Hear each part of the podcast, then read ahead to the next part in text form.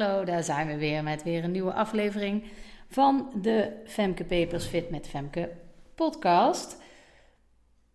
En uh, we gaan het over verschillende dingen hebben. En ik uh, barst maar gewoon los uh, met een, ja, nou, een, een, eerst komt er een hoogtepuntje. En vervolgens ga ik je even meenemen in iets wat ik de afgelopen weken zelf heb ervaren aan de hand van een boek, wat zeker een tip is. En uh, ja, uiteraard uh, worden de links gelegd met het afvallen, zoals we dat eigenlijk altijd doen. Maar het gaat, zoals eigenlijk ook altijd, vooral weer over die mindset. Nou, ik begin met een hoogtepuntje. En eh, vaak merk ik dat dat toch de kleine dingen zijn eigenlijk die het hem doen. En zo bracht ik mijn uh, jongste naar school. En op de weg terug kwam ik een meisje voorbij gefietst. Uh, of ik gereden en zij op de fiets. Doet er verder niet toe, maar zo was het. En die zat een beetje op de fiets bewegen, hoofd een beetje op en neer, handen een beetje op en neer. Nou, niet per se veilig, maar je kon wel zien dat ze uh, ja, een soort van inder element was. Ik denk dat ze een jaar of 13, 14 was. En ja, rugzak op de rug. En nou, ik denk naar school aan het fietsen. En die was een beetje zo in element. En ik keek toen ik er voorbij was in de spiegel. Dan zag ik die mond ook op en neer gaan. En ik vermoed, en degene die uh, dochters hebben, nou misschien ook wel zonen, maar degene die dochters hebben in de leeftijd van uh, uh, ja, mijn kinderen, van 9 tot 13 zeg maar, die kennen ongetwijfeld TikTok. Nou, ik had het idee dat dit meisje dit op de fiets ook aan het doen was. De ene hand ging steeds op en neer, een beetje die TikTok-bewegingen voor degenen die het kennen.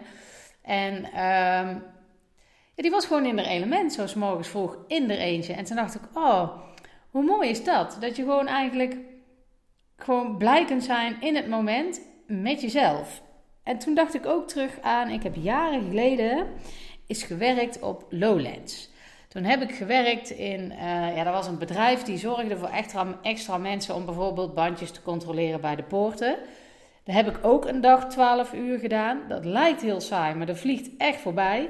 Je ziet allemaal mensen vrolijk binnenkomen. Die hebben er zin in. Dus dat, uh, ja, de stemming zit er op zich wel in. Dus die tijd die vliegt echt voorbij.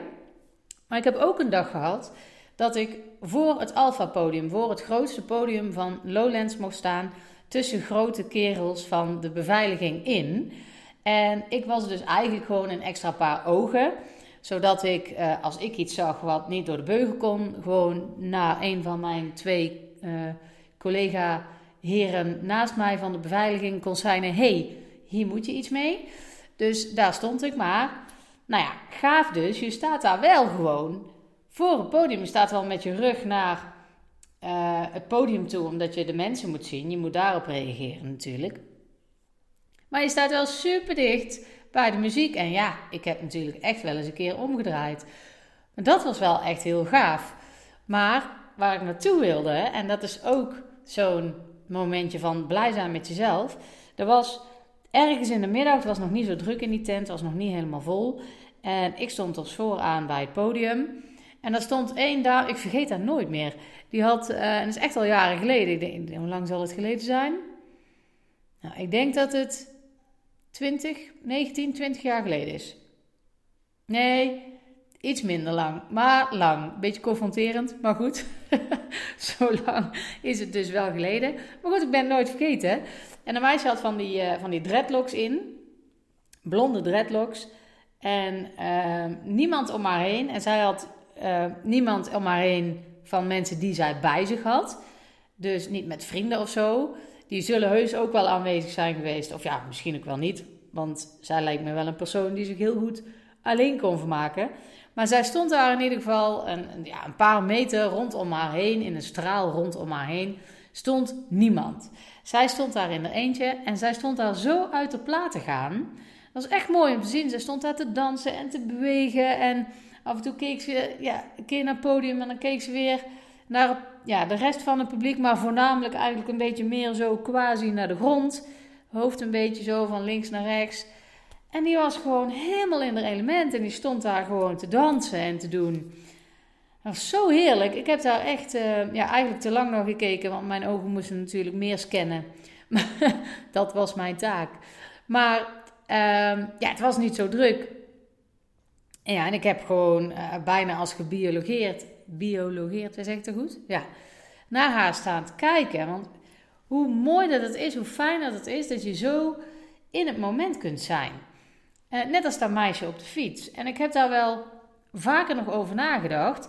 Alleen, ja, toen ik haar zo zag dansen, toen was ik zelf nog niet zo bezig met, uh, ja, met in het moment zijn en acceptatie. En dat was nog voor mijn overspannen periodes, voor de kinderen. Ehm, ja, voor de ontwikkelingen die ik allemaal doorgemaakt heb. Toen stond ik daar nog niet zo bij stil. Maar ik denk daar nu nog steeds wel eens aan terug. Dat ik denk, ja, zij had het gewoon echt begrepen. En dat meisje daar op de fiets heeft het ook begrepen. Als je tevreden kunt zijn met jezelf, met het moment en het leuk kunt hebben met jezelf. En dan zijn maar kleine dingetjes, hè. Net als dat meisje op de fiets, hè, die fietst gewoon van A naar B. Die heeft echt een doel gehad. Maar ondertussen maakt ze die fietstocht ja, wel leuk voor zichzelf. En dat lijkt me zo fijn als je dat kunt hebben. En ik merk wel dat ik door de jaren heen dat wel steeds vaker ben gaan hebben. Dat je geen andere of geen situatie nodig hebt om je lekker te voelen. Dat je dat gewoon vanuit jezelf kunt halen. En dat is zo fijn. Dat is zo fijn. En dat geeft ook echt veel meer uh, lucht eigenlijk. Veel meer ruimte. Uh, want je kan gewoon... Je hebt aan jezelf genoeg. Je kunt het gewoon met jezelf al leuk maken, ook als je het even niet zo leuk hebt, door gewoon hele simpele dingen uh, te doen waar je blij van wordt. En dat kan dus zijn op de fiets TikTokken, misschien een beetje uh, gevaarlijk, maar of naar Lowlands gaan en desnoods in je eentje als er niemand mee wil. En gewoon genieten van de muziek. Hoe gaaf is dat? En ik heb het, uh, dit zijn dan nog redelijk kleine voorbeeldjes. Ik heb het zelf ook gehad uh, toen ik eenmaal uh, al kinderen had en ook al die periode van overspannenheid had gehad, dat ik um, alleen naar Budapest ben geweest op een stedentripje. Even uitleggen hoe dat kwam. Wij zijn jaren gewoon voordat, we, voordat ik gescheiden ben, zeg maar, voordat we gescheiden zijn, zijn wij jaren naar Italië op vakantie geweest. En er is één jaar geweest waarin we ja, veel regen hebben gehad. Uh, sowieso veel regen, maar al helemaal voor Italiaanse begrippen. En van, we hadden al twee dagen heel veel regen gehad. En van de komende vier dagen die wij nog zouden blijven, gaf je de eerstvolgende twee dagen ook volle bak regen aan. En dat is op zich nog niet zo erg als je bijvoorbeeld op een vakantiepark zit, want dan kun je binnen ook dingen doen. Maar dat is op zo'n camping in Italië gewoon niet het geval. Alles is gericht op buiten. En uh, ja, we waren er eigenlijk wel een beetje klaar mee. Ondanks dat we in een staakerven zaten, werd hij gewoon echt heel snel te klein. En dan is het wel voor het uh, mooi geweest. En wij dachten, ja, we gaan hier niet nog twee dagen in de regen zitten. Met dan misschien nog twee mooie dagen eraan, waarvan we de laatste dag toch alleen maar aan het inpakken zijn. Laten we gewoon gaan. Dat hebben we gedaan. Maar voor mijn gevoel was, ja, de vakantie was nog niet voorbij. Ik had nog, ja, ik wilde nog wel meer doen voordat uh, uh, het, het, werkleven weer begon, zou ik maar zeggen. En toen heb ik het er met uh, ja, mijn, mijn ex, ja, toenmalige man dan, over gehad van... Goh, zullen we dan een stedentripje doen? Maar ik wist van tevoren het antwoord eigenlijk al, want hij is daar niet zo... Ja, ik vind dat niet zo leuk als ik dat vind. Nou, dat kan. Dus toen dacht ik, nou, misschien met mijn moeder, want ik ben met mijn moeder ook wel eens naar Rome geweest. En uh, die houdt wel van stedentrips, maar die zei, ja, goh, Femke, uh, leuk, maar niet midden in de zomer. Dat is mij veel te warm. Nou, daar is op zich ook wel iets voor te zeggen. En uh, ja, ik had dus met mijn moeder gebeld en ik kijk vervolgens mijn man aan en ik zeg, wat zou jij ervan vinden als ik alleen ging? En hij zegt, ja, eigenlijk wel raar, maar als je het heel graag wil, dan moet je dat doen. En zo ben ik dus vier dagen naar Boedapest geweest. En het was echt wel een dingetje om, uh, om vier dagen bij mijn kinderen weg te zijn. Want daar was ik eigenlijk tot dan toe nog niet geweest. Maar ik heb dat zo fijn gevonden. Gewoon, ja, alleen. En dan merk je dat je, want daar wilde ik naartoe, dat je het in je eentje gewoon echt ook wel leuk kan hebben. Dat het niet nodig is dat je met meerdere op vakantie gaat. En natuurlijk is het fijn als je met andere mensen bent. En dat je dingen kunt delen. En dat je uh, niet alles alleen hoeft te doen. Maar mijn vorm van delen haalde ik toen uit uh, verslagen schrijven. Gewoon wat ik die dag gedaan had. Heel veel foto's maken. En die kon ik dan later ook weer met mensen delen. En ehm, het was ook wel eens lekker om gewoon alleen die dingen te kunnen doen. Om te ervaren dat je het alleen ook gewoon prettig kunt hebben. En dat is toch wel wat ik je mee wil geven. Want dit, dit kleine momentje dus, zo'n meisje voorbij uh, rijden dat zij op de fiets zit, brengt dan zoveel teweeg in positieve zin. bij mij in ieder geval, dat ik daar echt wel, um, ja, daar ga ik de rest van de dag wel meenemen, dit goede gevoel. En dit besef weer even, dat je even wordt herinnerd van, oh ja. Kijk, je had ook kunnen denken als je dat meisje ziet, jeetje, meisje, hou je handen aan het stuur, uh, een beetje veilig. En er zullen heus wel situaties zijn waarin ik dat ook denk. Maar nu dacht ik van jeetje, wat fijn als je gewoon zo happy kunt zijn in het moment met jezelf. En dat maakt ook dat je je gewoon minder rot voelt ja, door, door, door een hele periode heen. En niet dat dit kleine momentje een hele periode door kan werken hoor, maar als je vaker dat zo'n momentjes ziet, dan natuurlijk wel. En dat helpt gewoon als je um, ja, happier ook bent met jezelf, dat je uh, fijne momenten uit jezelf kan halen, dan helpt het echt wel met um, ja, in de kast duiken naar, naar snoep. Want dat doen we vaak niet omdat we echt zo'n zin hebben in snoep. Daar zit vaak een reden achter. En dat kan dit bijvoorbeeld zijn. En als jij gewoon happier bent met jezelf, um, wat dus heel makkelijk eigenlijk kan, met kleine momentjes al in die richting kunt gaan, ja, dan, dan gaat dat ja, zeker helpen met, uh, met afvallen. En dan kom ik nu op dat boek, want daar gaat er eigenlijk op verder. Dat boek wat ik nou bijna uit heb, is uh, De meeste mensen deugen van Rutger Bregman. Als je het nog niet gelezen hebt, hebt echt een aanrader om het te doen. Hij beschrijft eigenlijk, en ik zal heel even kijken. Uh, ik zal de achterkant gewoon eens even oplezen. Uh, dus gewoon de, de boekcover, zeg maar. De mens is een beest, zeiden de koningen. Een zondaar, zeiden de priesters. Een egoïst, zeiden de boekhouders. Al eeuwen is de westerse cultuur doordrongen van het geloof in de verdorvenheid van de mens. Maar wat als we het al die tijd mis hadden? In dit boek verweeft Rutger Bretman de jongste inzichten uit de psychologie, de economie, de biologie en de archeologie. Hij neemt ons mee op een reis door de geschiedenis en geeft nieuwe antwoorden op oude vragen. Waarom veroverde juist onze soort de aarde? Hoe verklaren we onze grootste misdaden? En zijn we diep van binnen geneigd tot het kwade of tot het goede? Nou, die laatste zin, uh, nou, het boek heet niet voor niks. De meeste mensen deugen. Dus je kunt ervan uitgaan dat uh, Rutger Brechtman tot de conclusie is gekomen dat we uh, ja, van binnen gewoon deugen. Dat we eigenlijk ehm, goede mensen zijn en niet zo kwaad willen. En ik zal één voorbeeldje noemen uh, uit het boek. Hij schrijft bijvoorbeeld over, de, over soldaten die ehm, ja, die worden eigenlijk getraind om te kunnen schieten op de vijand.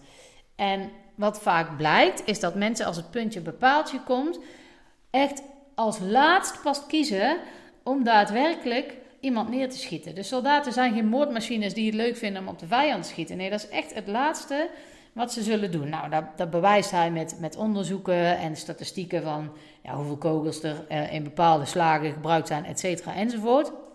Gaat te ver om dat nu uitgebreid te bespreken. Maar hij geeft dus aan dat het gewoon voor de meeste mensen gewoon echt wel ja, moeilijk is om zomaar op een ander mens te schieten. En misschien ken je wel het verhaal van de Eerste Wereldoorlog. Hij noemde het in het boek, maar ik kende het verhaal ook al. Uh, in de Eerste Wereldoorlog met de loopgraven hebben de Engelsen en de Duitsers, uh, daar gaat het zeg maar even in dit stukje over, ook uh, Fransen en um, ja, anderen denk ik waren er ook bij betrokken. Maar dit voorbeeld gaat even over Engelse en Duitse soldaten die dus in de loopgraven tegenover elkaar zaten. En ehm, ja, dus eigenlijk ja, regelmatig op elkaar schoten, maar meer in het luchtledige. Dus niet per se op een vijand, maar gewoon af en toe bleven schieten, zodat de Duitsers daar zouden blijven en uh, andersom de Engelsen ook op hun plek. En dat gebeurde dus in die loopgraven, want ja, daar kon je dan niet geraakt worden. Maar ja, er bleven wel naar elkaar schieten om te zorgen ja, dat dat zo bleef. Ehm, maar ze schoten dus niet gericht op de ander. Dat deden ze echt bij voorkeur liever niet. En toen was het kerst. En op een gegeven moment zijn er, en nou weet ik niet meer, volgens mij de Engelsen die op een gegeven moment gewoon uit die loopgraven zijn gekomen. En die zijn gewoon ehm, ja, contact gaan maken met die Duitsers. En die zijn gaan voetballen. Eerst begon het met zingen. Oh, dat was het. Ja, nu herinner ik me weer. Ehm, het waren volgens mij de Duitsers die begonnen met zingen. Gewoon kerstliedjes zingen. En uh, nou, dat kon je natuurlijk gewoon horen op die open velden. En de Engelsen zijn toen mee gaan zingen, gewoon in hun eigen taal. En toen zijn ze uit die loopgraven gekomen en zijn ze verder gaan zingen. En later ook uh, partijtjes voetballen, waarbij één keer de Duitsers hadden gewonnen en één keer de Engelsen. En dat hebben ze dus gewoon gedaan. Ze hebben gewoon de wapens neergelegd en ze zijn gewoon met elkaar ja, kerst gaan vieren eigenlijk. En dan kwamen ze ook tot de ontdekking van ja, maar jij bent. Uh, Engelsen werden zeg maar geïndoctrineerd door het nieuws van die Duitsers zijn uh, enger, engerikken, viezerikken, die willen je alleen maar doodmaken. Maar die kwamen toen dus tot de conclusie dat die Duitsers ook maar gewoon mensen waren. Dus wat ik daarmee wil zeggen, en wat uh, Rutger Brechtman daar denk ik ook mee wilde zeggen, is dat we dus niet van nature erop uit zijn om slechte dingen te doen.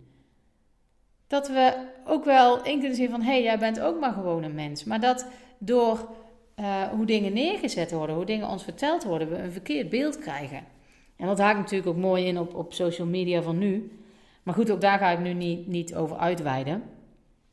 Maar het goede in de mens, uh, wij zijn van binnen, zijn we gewoon goed. Alleen, we hebben de neiging om het kwade te zien in anderen. En dat komt ook, onder andere, zegt Rutger Brechtman, door het nieuws. Want daar zien wij natuurlijk alleen maar de negatieve dingen. Want die komen minder vaak voor. Dus die worden benoemd van hé, hey, dat gebeurt. Maar doordat dat dan wel weer het enige is wat je ziet, lijkt het alsof er alleen maar nare dingen gebeuren in de wereld. En dan komt het dus ook dat we uitgaan van nare dingen in. Uh, ja, dat mensen dus van nature eerder uh, slechte egoïstische keuzes zullen maken dan om voor elkaar te zorgen, bijvoorbeeld. Nou, dat blijkt dus niet zo te zijn. En uh, Rutger Brechtman die haalt allerlei voorbeelden aan uh, waaruit blijkt ja, dat dat dus niet zo is. Hij geeft aan het eind van zijn boek ook een aantal tips die je kunt meenemen in je leven daarna. En daar ben ik nog niet helemaal doorheen. Ik heb het boek nog niet helemaal uit. Maar de eerste, en die heeft mij ook wel geraakt. En dat gaf mij ook meteen lucht. En dat wil ik je meegeven, daar gaat het eigenlijk naartoe. Gaf mij meteen lucht om dingen op een andere manier te bekijken. En is bij twijfel ga uit van het goede. En uh, ik ga gewoon even een, een, een, een, stukje lezen, dat lijkt me het makkelijkst. Bij twijfel ga uit van het goede. Uh, Communiceren blijft lastig. Soms komt een opmerking niet goed over, kijkt iemand je wat vreemd aan of hoor je via via dat er iets lelijks over je is gezegd. In iedere relatie, zelfs in jarenlange huwelijken, weet je lang niet altijd wat de ander over je denkt. En dan gaan we raden. Stel dat ik vermoed dat de collega een hekel aan me heeft. Dan zal ik me gedragen op een manier die onze relatie niet goed zal doen. Of ik nu gelijk heb of niet. Eén vervelende opmerking raakt ons veel harder dan tien complimentjes. Het kwade is sterker, maar het goede is uh, met meer. Daar gaat hij in het boek ook verder op in, daar legt hij uit. Bij twijfel zijn we geneigd om uit te gaan van het slechte. En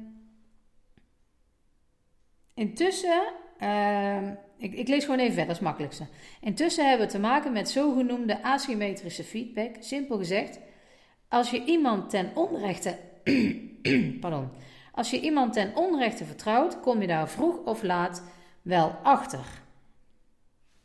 Dan geeft hij bijvoorbeeld als voorbeeld: dan is je Russische bruid er met je poen vandoor, heeft je Nigeriaanse zakenpartner je bedrogen, of heb je na vier weken nog steeds geen sixpack van die app King Pro waar ze op de televisie nog zo lyrisch over waren. Een overdosis aan vertrouwen komt altijd boven water. Maar als je iemand een keer niet vertrouwt, zul je nooit zeker weten of het terecht was. Je krijgt immers geen feedback meer. Stel dat je, ik zeg maar wat, besluit om nooit meer zaken te doen met roodharige schotten, omdat je een keer bent door, opgelicht door een roodharige schot, dan kun je je leven lang wantrouwig blijven ten opzichte van alle roodharige schotten, zonder ooit met je neus op de feiten te worden gedrukt. De meeste roodharige schotten zijn behoorlijk sympathiek. Dus wat kun je nou het beste doen als je twijfelt aan iemand anders intenties? Kijk, hij zegt dus eigenlijk, in het voorbeeld van die schotten, van één roodharige schot heeft je verkeerd behandeld en jij uh, gaat ervan uit dat ze allemaal dus zo zijn, dus je negeert ze. Maar dan zul je dus nooit gecorrigeerd kunnen worden, omdat je dat niet meer aangaat. Terwijl het misschien wel kan blijken dat als je een andere treft, het juist heel goed met je voor heeft en dat je daar heel veel uit kunt halen.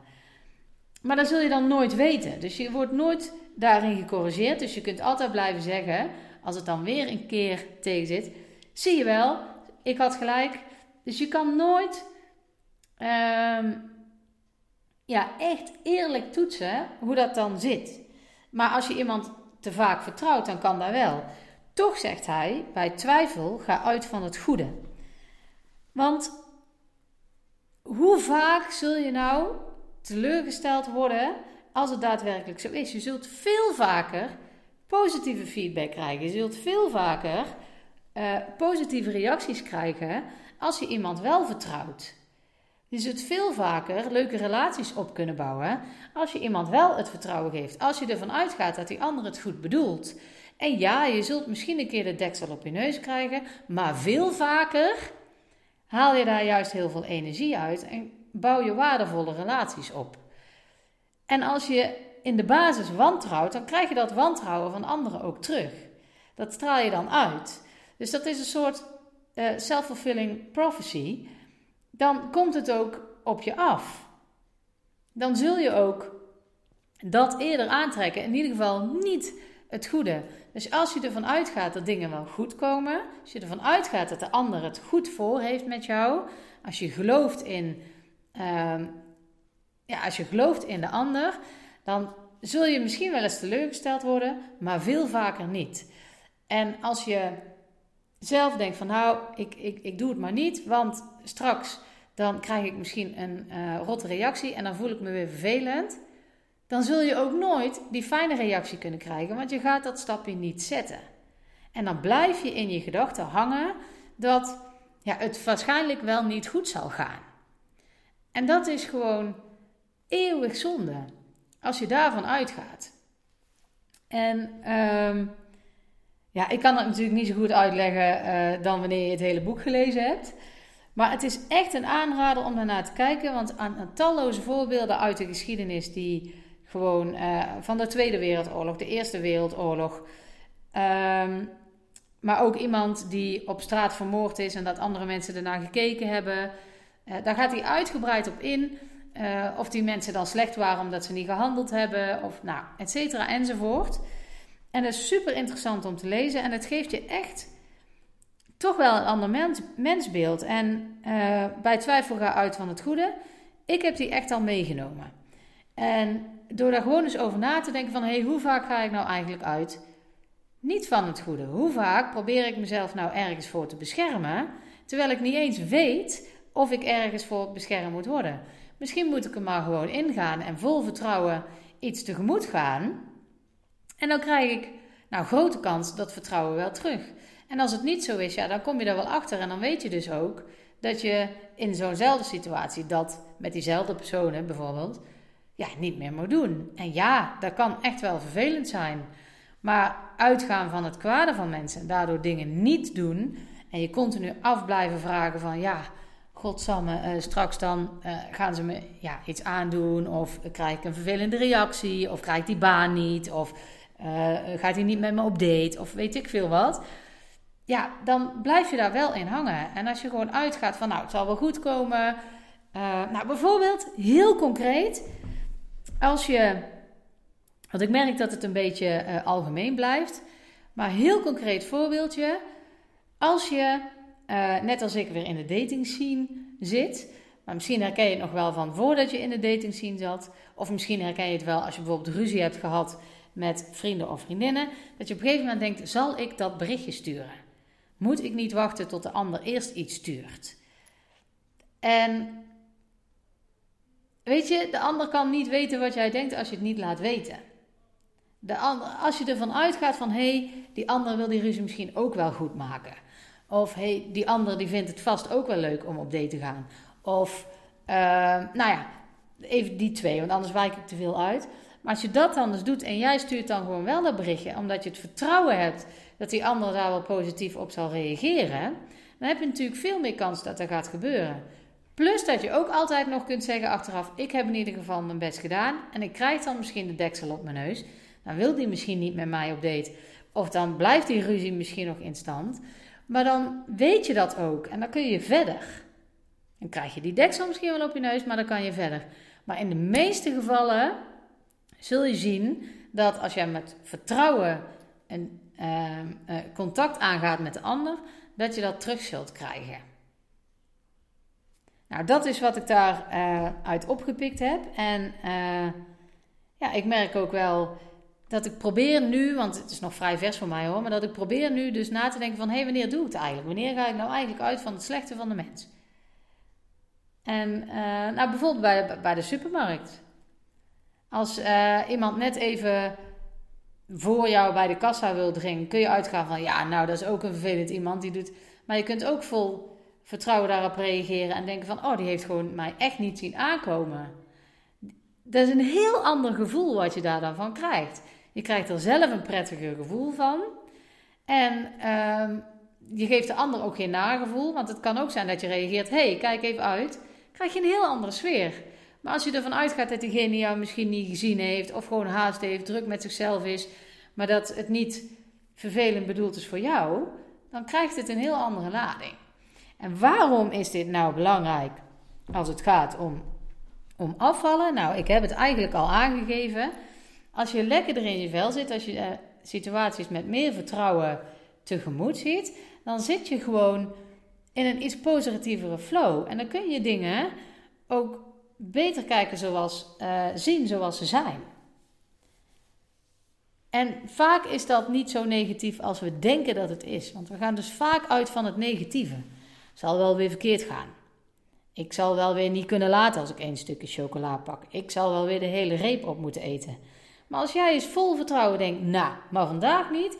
Nu gaat het me lukken. Ik ga twee stukjes chocola pakken. De rest van de reep leg ik lekker terug. Heb ik morgen ook weer stukje, twee stukjes. Ik ga dat gewoon lekker doen. Ik kan dit. Ik heb daar vertrouwen in dan is de kans natuurlijk veel groter dat het gaat lukken. Dan wanneer je zegt, poeh, het zal wel weer niet lukken, het is me nog nooit gelukt. Ja, moet ik dit wel doen? Oeh, die chocola. Snap je het verschil? En dit is dus een klein dingetje. Ik heb nou die hele uitleg daarvoor nodig gehad om dit zeg maar nog duidelijker te maken.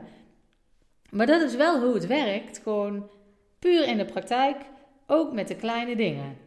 Ja, we gaan uit eten. Ja, dat gaat nu helaas voorlopig nog niet lukken, vrees ik. Maar Oh, we gaan uit eten. Oeh jee, dan zal ik het wel niet kunnen laten om van die frietjes af te blijven. Oeh, hoe moet ik dat dan doen met het toetje? Oh, daar zit vast wel. Oh, dat is allemaal zo groot. Hoe moet ik dat... En je kan ook denken, oeh, we gaan uit eten. Nou, daar ga ik eens lekker van genieten. Ik heb niet alles nodig. Ik kan dit wel. Geeft een heel andere vibe. De kans dat het dan gaat lukken is veel groter. Ga uit van het positieve bij twijfel. Ga uit van het goede bij twijfel. Bij jezelf, maar ook van de ander. Het geeft zoveel meer ruimte, denk ik. Ik ben er zelf dus nog mee aan het oefenen, maar ik merk nu al verschil. Gewoon door het besef. Nou, ik hoop dat jij ook dat verschil merkt. En uh, nou goed, dit was het voor deze keer. Ik hoop dat alles goed met je gaat. Tot de volgende.